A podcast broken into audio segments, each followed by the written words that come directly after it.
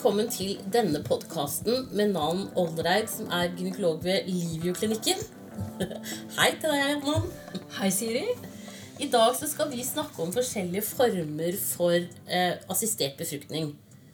Heter det det lenger? liksom? Det heter assistert befruktning, gjør det ikke det? Jo, det gjør det. Før så kalte man det ofte prøverørsbehandling. Ja, Jeg vet ikke helt hvor det kom fra, men eh, Kanskje det var det første? ja. Og så kunstig befruktning ble det kalt en periode. Den første loven eh, om eh, assistert befruktning het jo lov om kunstig befruktning. Ja.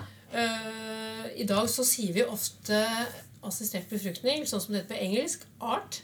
Assisted Reproductive Technologies, eller Techniques. ja.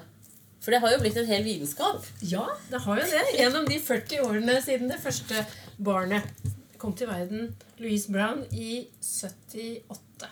Ja. Det er jo helt utrolig. Så det vi, det vi tenkte vi da skulle snakke litt om, er liksom IVF-behandling.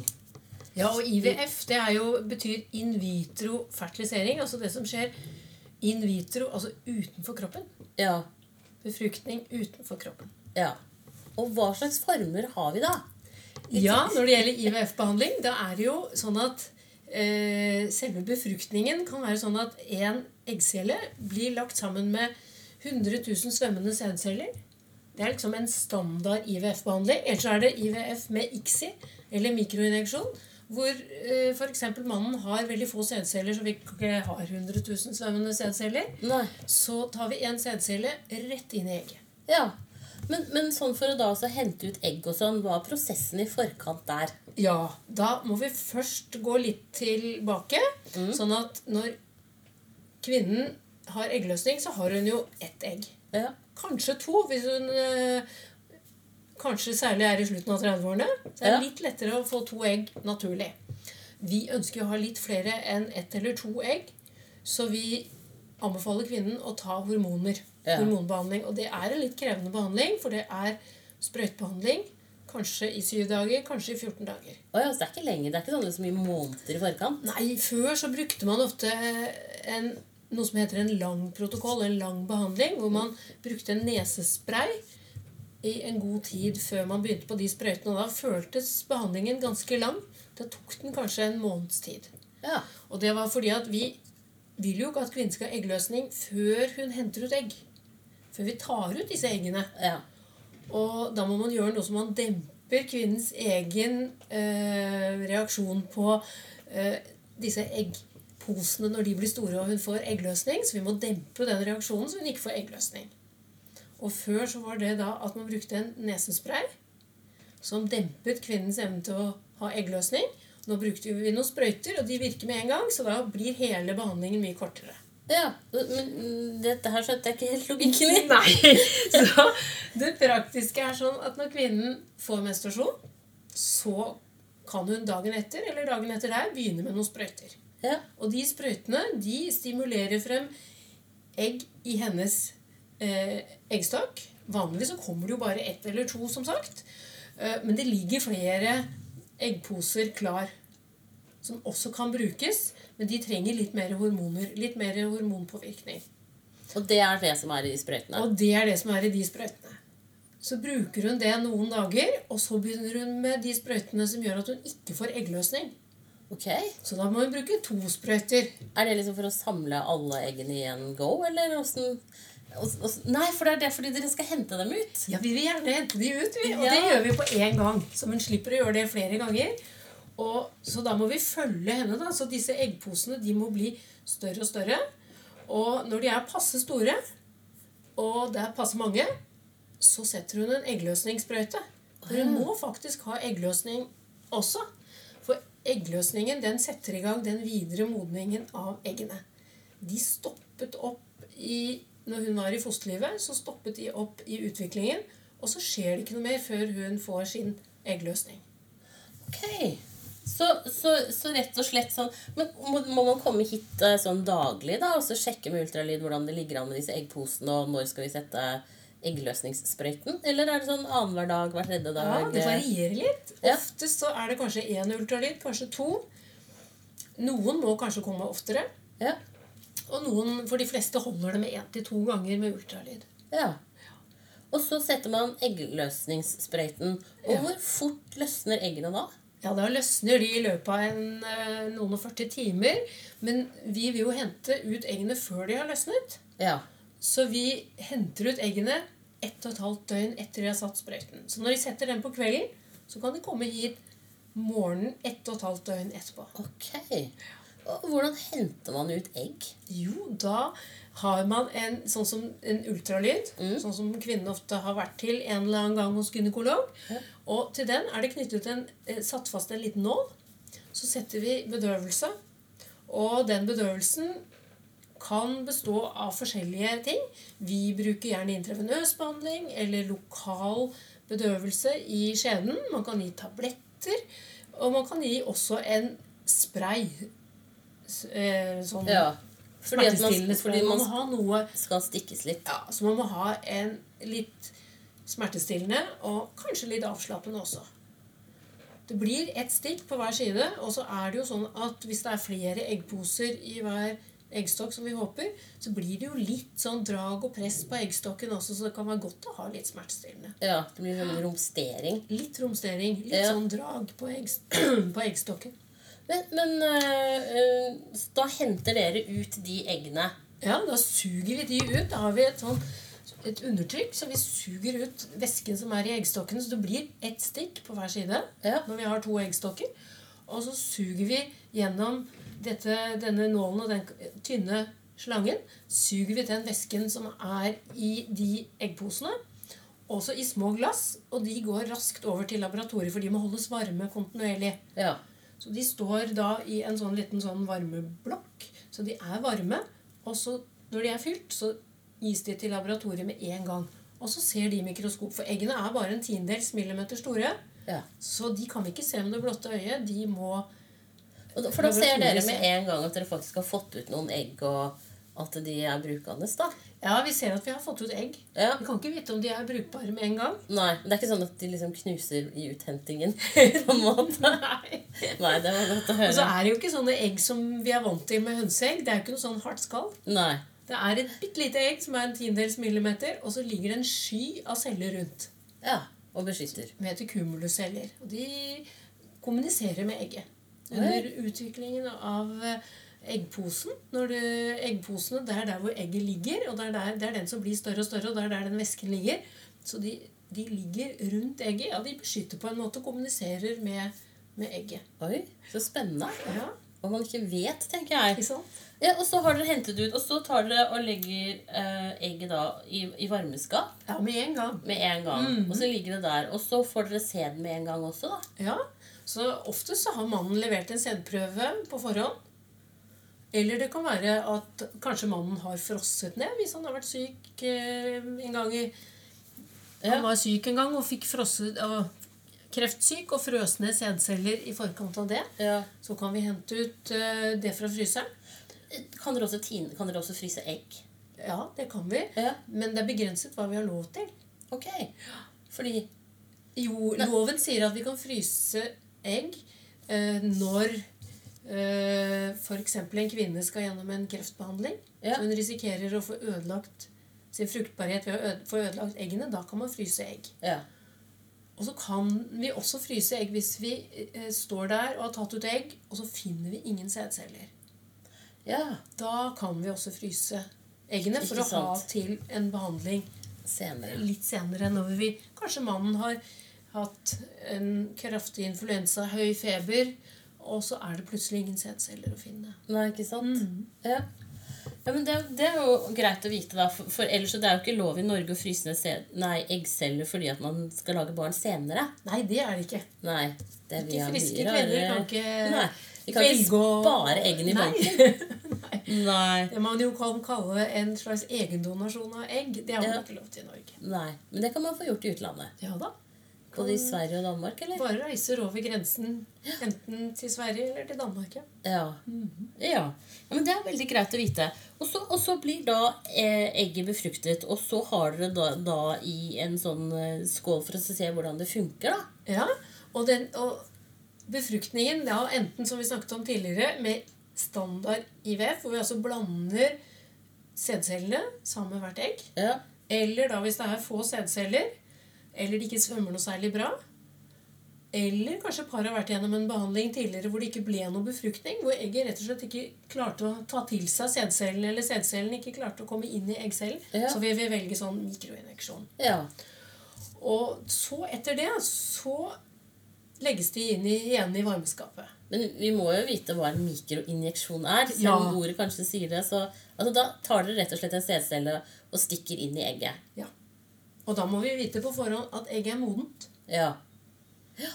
For hvis det ikke er modent, så blir det litt feil med arvestoffet inni der. Da blir det litt for mye arvestoff. For det er sånn som vi snakket om i sted, at når man har en eggløsning, Ja. så ettermodner egget, og da spytter den ut noe ekstra arvestoff som den har hatt liggende lagret i mange, mange år. Oh. Så den, først må den ut med litt ekstra arvestoff, og så kan den få sædcellen inn, og Ja. da blir det passe. ja. Sånn at det ikke blir for mye mor eller for mye far oppi det hele. Ja, det blir ikke noe greie på det. Nei, ikke sant? Det må være 50-50. Det er jo litt morsomt, det, da. Ja. Ja, og så, og så setter dere det da på lager, og så ser dere da at det vokser og utvikler seg som det skal. ja. Og vi setter det inn i noe som heter et embryoskop. Ja. Det er et dyrkningsskap og hvor det tas bilder. Sånn ca. hvert tiende hvert tiende minutt så tas det en bilde av egget. Og da kan vi følge og kan vi se når befruktningen faktisk skjedde. Eller vi kan se hvordan det deler seg. Og vi kan se om det deler seg sånn som det skal, eller om det deler seg litt annerledes. ja. Og så på den måten håper vi og tror at vi kanskje kan finne det egget som er best egnet til å bli et barn. Ja, For det er, da setter dere stort sett bare inn ett egg. Ja, det gjør vi. Ja, Ja, det gjør vi absolutt. ja, Og da tar dere det som er best. Det som vi tror er best. Ja. Ja. Kan, kan dere da spare de andre befruktede eggene til seinere hvis det ikke går med det første? Det kan vi. Og vi setter det beste til egget tilbake kanskje på dag to dager etter egguthentingen, tre, fire eller fem dager etter egguthentingen.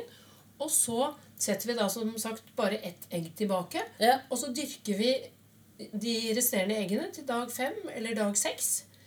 Og så putter vi de i fryseren, de som egner seg. Ja. Nå er det ikke sånn at alle egg som blir hentet ut, og som ikke blir satt inn i kvinnen, de blir ikke frosset. Nei. Det er sånn at kanskje 60-70% blir befruktet av eggene vi henter ut. Og så er det kanskje et par-tre gode egg. Sånn ca. halvparten av de som kommer til behandling, får frosset egg. Ja. Ok, såpass, ja. Ja. Og de kan jo ligge der etter loven i Norge i dag, så kan de ligge der i fem år. Ja. ja men det er jo supert, da. Så det som er morsomt, er jo hvis vi er heldige og får et barn, og så blir det egg eh, med det ferske egget, og så blir Ja. det egg i fryseren, så kan faktisk familien få to barn fra samme egguthenting. Egentlig så blir det tvillinger. Bare med fett med noen års Det mellomrom. der er litt vanskelig. Det skjønner jeg. Vi kan ikke la være å kalle dem Det tvillinger. er i hvert fall søsken. Ja, Ja. Garantert. Mm. Men nå blir jo jeg litt sånn geek oppi det hele. Da Men sånn, eh, da, da har både kvinnen og mannen skrevet under på at de eier det befruktede egget sammen. Det er helt riktig. Ja, Så da kan ikke en av dem bestemme at vet du hva, det egget skal jeg ha hvis de blir skilt. Nei. Nei, Det er helt Da riktig, destruerer det- dere det. Det er jo i, Vi har jo lov om humanmedisinsk bruk av bioteknologi, eller det som kalles bioteknologiloven. Mm. Der står det jo definert at det må være I Norge må det være et par som er gift eller bor sammen i ekteskapslignende forhold. Ja.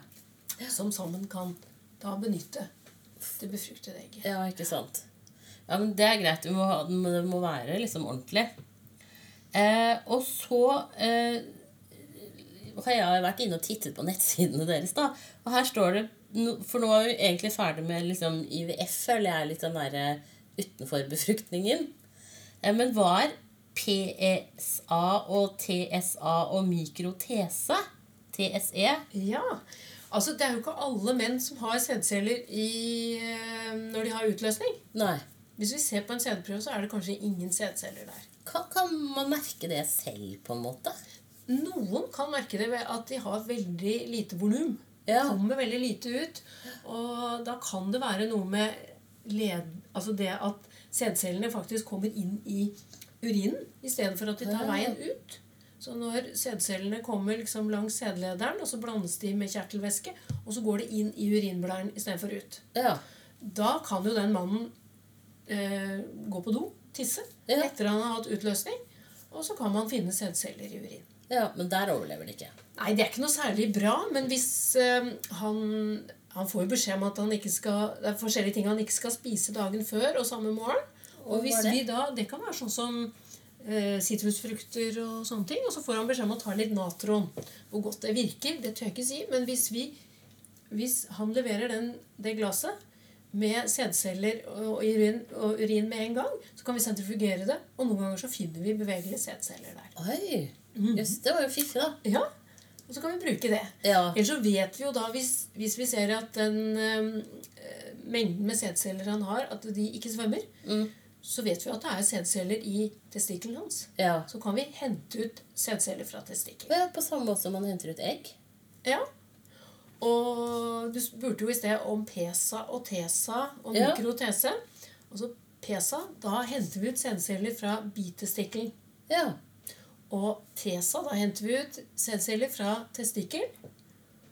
Og mikrotese, det er en avart av TESA. Det kan jeg fortelle litt om etterpå. Ja.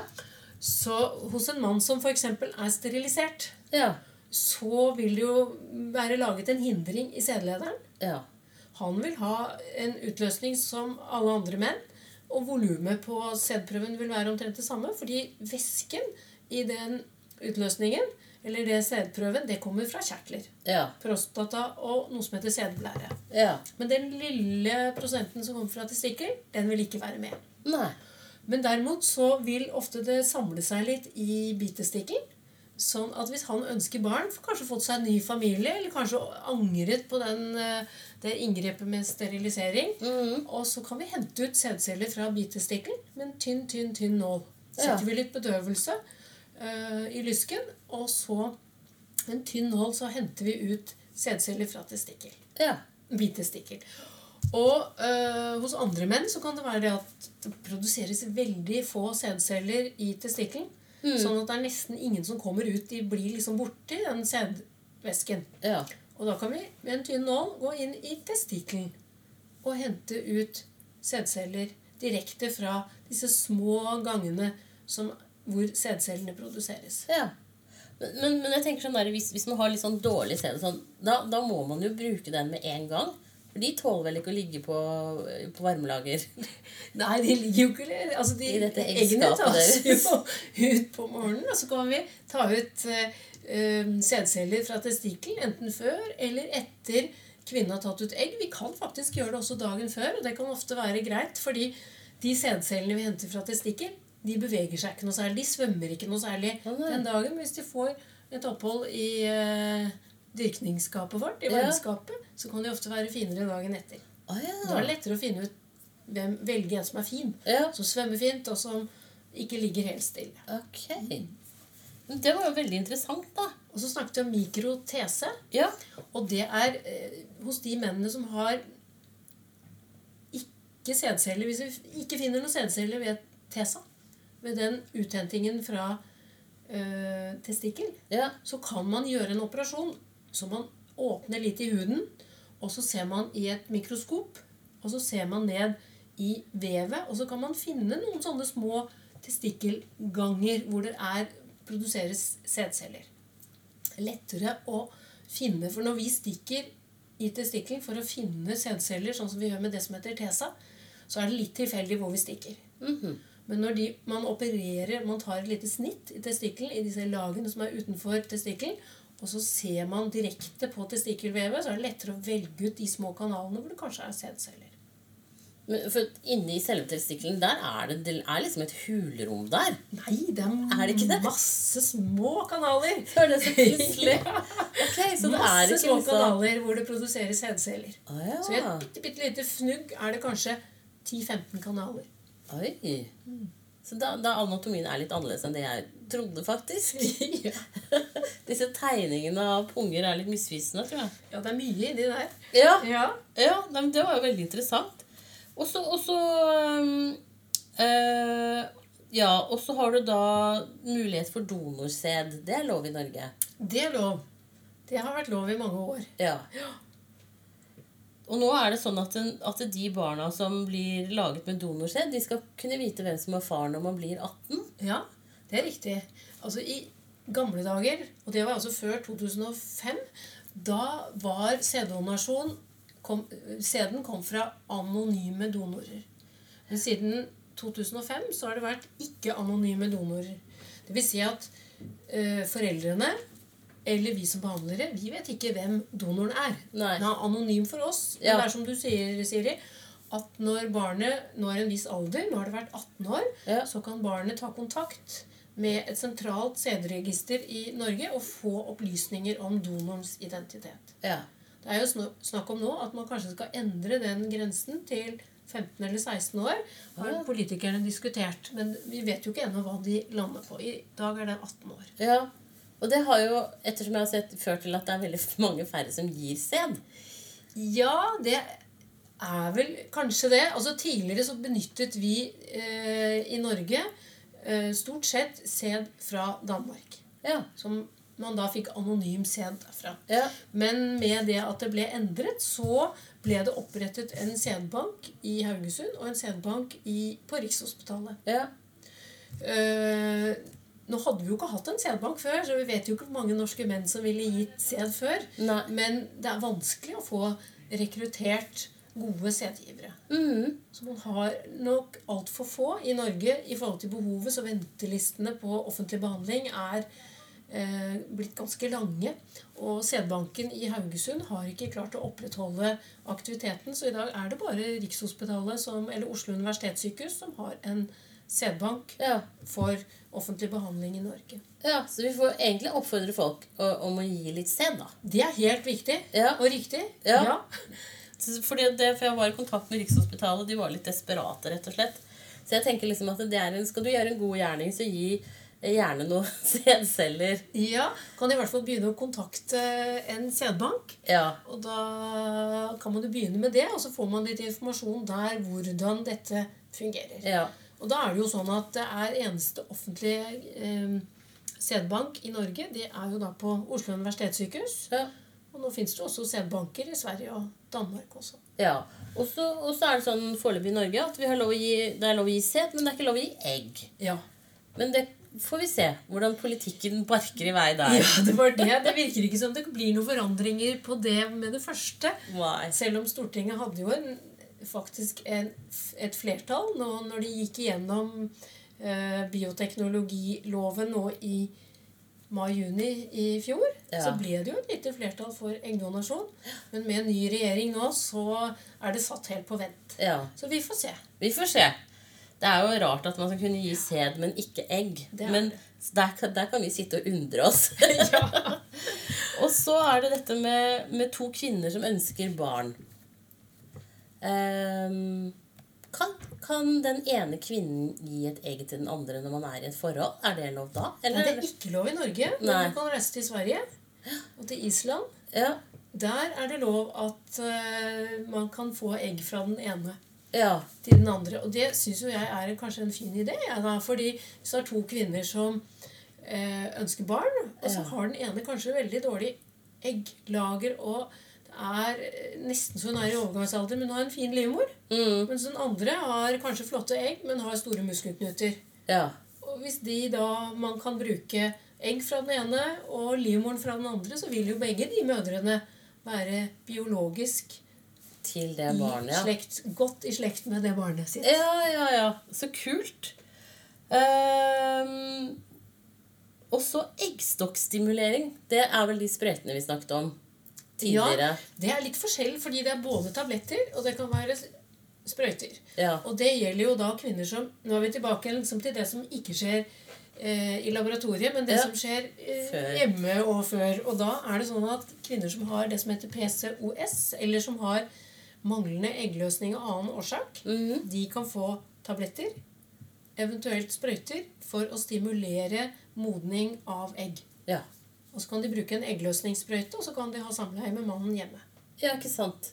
At det bare rett og slett er det, det lille der som skal til? Ja, de trenger lite puff. Det kan være ulike årsaker til det. Man ser jo også en del unge, eller en del kvinner som er undervektige, Ja. som ikke får um, eggløsning, da kan det beste være kanskje først å prøve å få i seg litt mer eh, fettholdig mat, eller litt mer næring, eller trene litt mindre. Ja.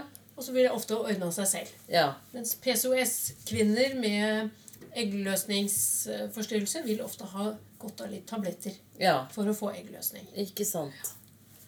Og så, og, så, og så står det et punkt her om um, uh, aktivering av eggene. Hva er det? Ja, det er en helt ja, en behandlingsalternativ, eller et tillegg til en behandling, som er for veldig få kvinner. Eller for få par. Det er nemlig sånn at em, når sædcellen skal befrukte egget, så må den sette i gang en eh, reaksjon i egget som gjør at det kommer inn kalsium. Det stoffet som heter oh. kalsium i egget. Og noen ganger så kan det være sånn at verken egget eller sædcellen ikke får til dette her helt. Nei. Sånn at hvis vi har gjort det som vi snakket om i sted, som heter mikroinjeksjon, og det ikke ble noen befruktning, så kan vi neste gang prøve å gjøre sånn eggstokkstimulering. Da legger vi egget eh, rett etter at det er forsøkt befruktet med ICSI i en liten løsning som inneholder litt kalsium. Der ligger en definert tid, og så tar vi det ut av den løsningen.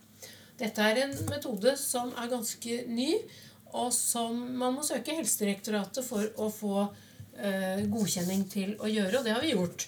Så vi har brukt det til noen pasienter, og det, til riktige pasienter så kan det være en veldig fin behandling. Så det er flere som er gravide med hjelp av den behandlingen, men det er altså bare for et fåtall pasienter. Ja. Og så er det noe som heter endometrie-scratching. Ja, og det har det vært mye snakk om de siste årene. Det er kort forklart at man risper litt eller tar og klør litt på innsiden av livmorhulen Ja. for å lage et lite sår eller lite, ja, litt sånn ruske litt borti der. Eh, man trodde at det kunne øke sannsynligheten for å bli gravid etter prøverørsbehandling. At egget liksom festa seg Ja, lettere der? Ja, man satte i gang en eller annen sånn immunologisk reaksjon, et eller annet sånn reaksjon inni der, som gjorde at det festet seg bedre. Ja. Eh, nå tror vi vel ikke så mye på at det virker. Nei. Fordi at det har vært gjort noen gode studier hvor eh, man har gitt gjort I den ene gruppen så har man gjort det, og i den andre gruppen har man ikke gjort det. Og så har man sett hvordan det har gått, og så har det gått like bra med begge gruppene. Så vi skjønner jo ikke helt hvorfor det skulle virke. Og vi tror vel ikke helt på det i dag. Men for et par år siden, et år siden, to år siden, så ble nok det gjort ganske mye. Ja.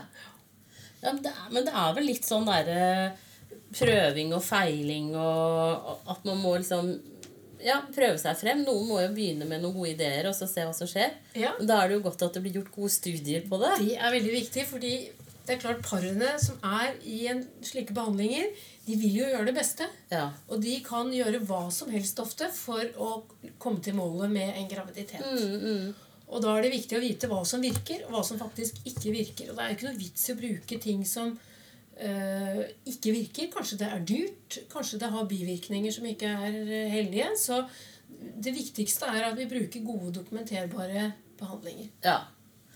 Og så øh, gjør jo dere selvfølgelig sædprøver her og, og, og sånn også for å se om de er eh, gode. De Ja. sædcellene. Ja. Hva er det som kan være feil med sædceller, da? Ja, det er så mye det, da. Men nå er det jo sånn at eh, en sædprøve sier ikke når mannen kan bli far eller ikke, så lenge det er sædceller der som svømmer. Nei. Så For det den- handler om kombinasjonen. Ja, Og så sier den noe om eh, underlivsorganene til mannen fungerer som de skal. Det sier noe om produksjonen av sædceller i testikkel, og om sædcellene faktisk kommer ut. Ja. Og om kjertlene, prostata og det som heter sædblære, om det også fungerer sånn som de skal. Mm. Så har man en eh, sædprøve hvor det er en del sædceller som svømmer, så eh, kan ikke den si at denne mannen blir far, ikke den. Nei. Nei. For det avhenger jo også av kvinnen. Ja, ikke sant? Det er, det er, Det er liksom samspillet mellom de to. Ja. Sine egg og sædceller. ja. Men uh, man kan også fryse ned sæd. Hvor lenge kan sæd være frosset? Der er det ikke noe grense. Nei. Nei.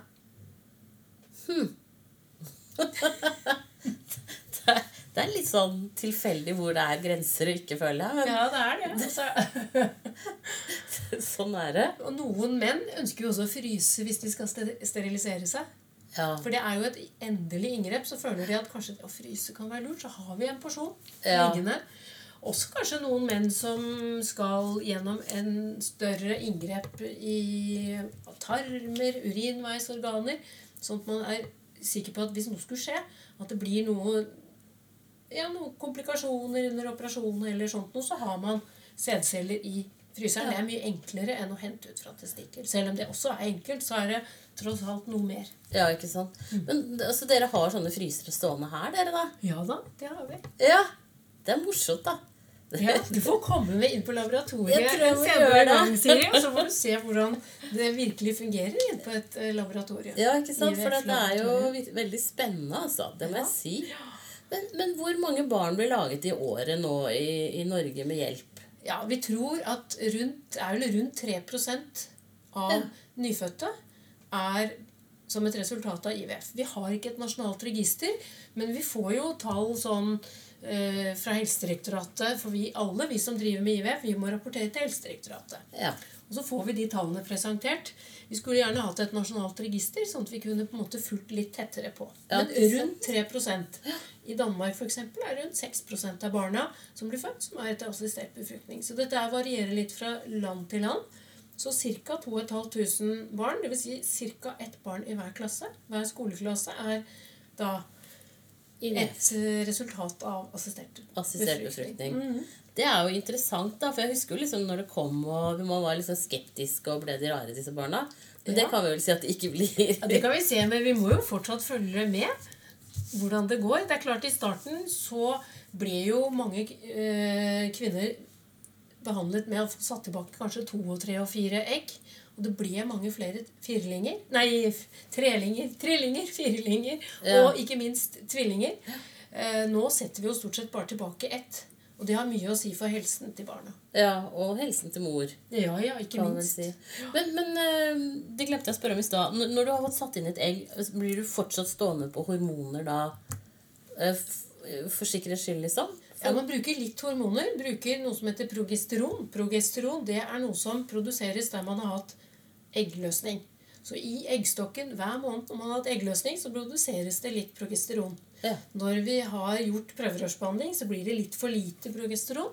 Og derfor så gir man litt progesteron. Og det er behandling som man må stort sett ta i skjeden som en tablett.